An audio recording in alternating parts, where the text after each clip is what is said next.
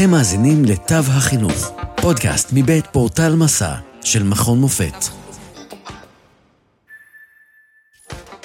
היום משוחח דוקטור אבי גרפינקל, העורך הראשי של פורטל מסע, על עקרונות ורעיונות גדולים בחינוך מדעי. זהו סיפורו של דוח מיוחד שחיברו עשרה מדענים ואנשי חינוך מדעי בכירים ממקומות שונים בעולם, במטרה לקבוע את העקרונות שיעמדו בבסיס החינוך המדעי לכל התלמידים.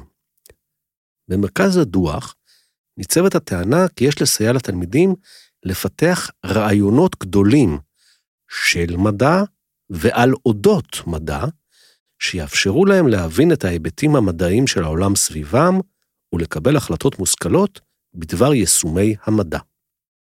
המטרה היא להקנות לתוכנית הלימודים במדעים קוהרנטיות ותחושה של התקדמות לעבר יעד ברור של רכישת מושגים מופשטים שתלמידים צריכים לדעת. זאת להבדיל מהתרכזות בין נושאים ספציפיים שהקשר ביניהם אינו ברור, בבחינת מרוב עצים לא רואים את היער. מה הם רעיונות גדולים במדע? רעיונות גדולים במדע הם כאלה שניתן להשתמש בהם כדי להסביר ולחזות טווח נרחב של תופעות בעולם הטבע.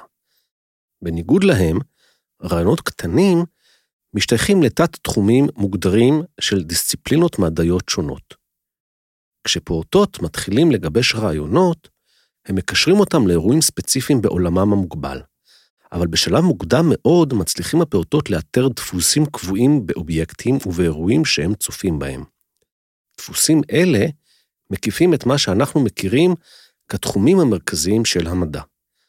כך, כבר בשנותינו הראשונות אנו מבחינים בין אובייקטים חיים לאובייקטים דוממים, בביולוגיה, מסוגלים לגבש ציפיות לגבי נתיבם של גופים נעים, פיזיקה, ומכירים בהבדלים בין חומרים שונים, כימיה.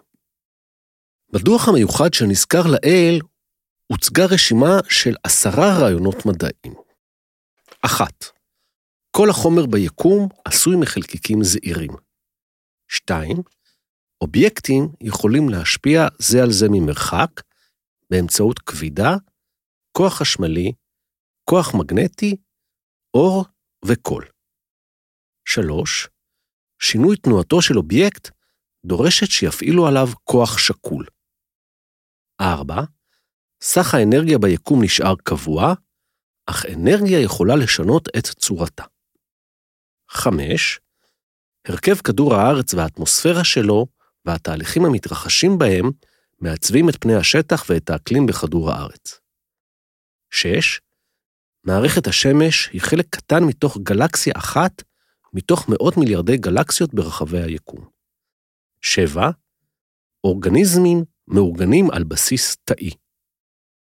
8. אורגניזם דורש אספקה של אנרגיה וחומרים, אשר תלויה פעמים רבות בתחרות עם אורגניזמים אחרים. 9.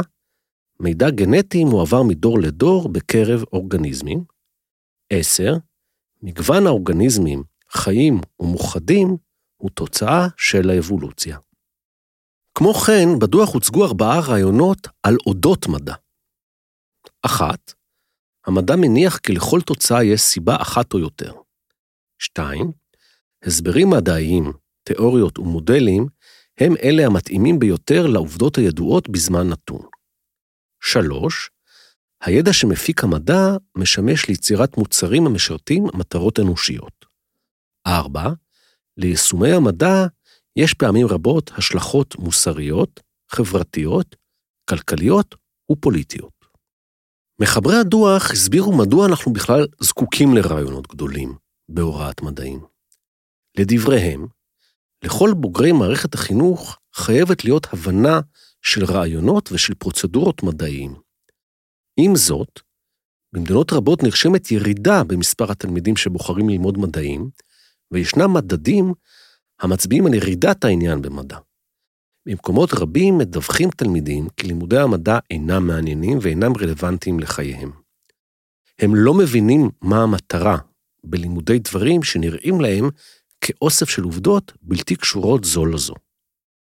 לאופן העברת החומר יש חשיבות מכרעת בניסיון להעביר לתלמידים את הקשרים בין רעיונות להתנסות, ולכן עדיף להעביר את החומר בצורת נרטיב, מאשר כרשימה של נקודות מנותקות זו מזו.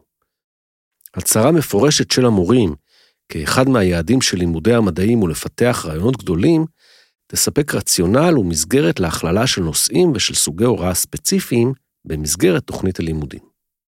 בדוח מוצעים גם קריטריונים לבחירת רעיונות גדולים לתוכנית הלימודים.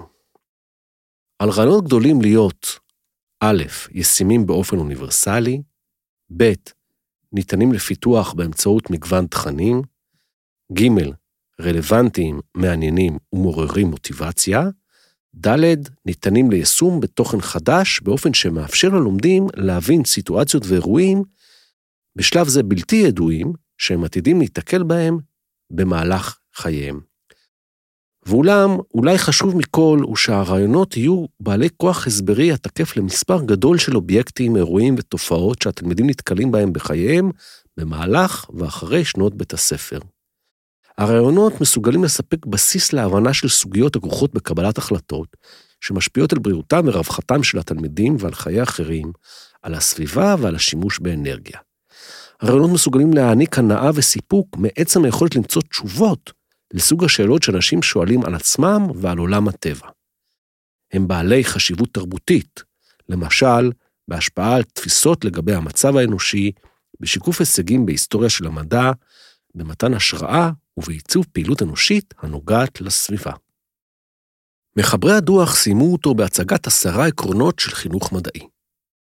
אחת, על החינוך המדעי לפתח בקרב התלמידים את הסקרנות לגבי העולם, ההנאה מהפעילות המדעית ואת ההבנה כיצד ניתן להסביר תופעות טבעיות. 2. מטרת החינוך המדעי היא לאפשר לכל אחד ואחת לקבל החלטות מושכלות ולנקוט פעולות הולמות שישפיעו על רווחתם האישית ועל טובת החברה והסביבה. 3. לחינוך מדעי יש כמה יעדים. פיתוח מערכת של רעיונות גדולים במדע, פיתוח יכולות מדעיות לאסוף ראיות ונתונים ולהשתמש בהם, וכן פיתוח של גישות מדעיות. 4. חייבת להיות התקדמות ברורה לעבר מטרותיו של החינוך המדעי, תוך סימון מראש של הרעיונות שעל התלמידים לרוכשם בכל שלב. 5. ההתקדמות לעבר הרעיונות הגדולים צריכה להיות תוצאה של הוראת נושאים שמעניינים את התלמידים ורלוונטיים לחייהם. 6. פעילויות הלימוד חייבות לשקף תפיסה גלויה ומפורשת של הידע ושל החקר המדעיים העכשוויים. 7. כל הפעילויות בתוכנית הלימודים חייבות להעמיק את ההבנה של רעיונות מדעיים, ובו בזמן לטפח גישות ומיומנויות מדעיות. 8. יש להתאים את תוכניות הלימודים בבתי הספר ואת תוכניות ההכשרה של המורים למדעים לעקרונות אלה. 9. הערכה היא עניין מרכזי בחינוך מדעי. הערכה המעצבת של תהליך הלימוד והערכה המסכמת של התקדמות התלמידים בחומר חייבות להיעשות בהתאמה לכל היעדים. 10. יש לדאוג לשיתוף פעולה בין מורים ולהגביר את מעורבות הקהילה, ובכלל זה הורים ומדענים.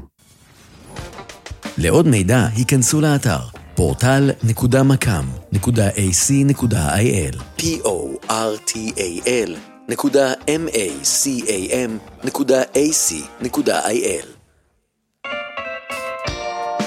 עד כאן מהפעם. תודה שהאזנתם לתו החינוך, פודקאסט מבית פורטל מסע של מכון מופת. פרקים נוספים תוכלו למצוא בפורטל מסע, או באפליקציית הפודקאסט האהובה עליכם. אתם מוזמנים לשלוח לנו תגובות, רעיונות, לשתף עם אחרים ולעשות מנוי לפודקאסט תו החינוך. נשתמע בפרק הבא.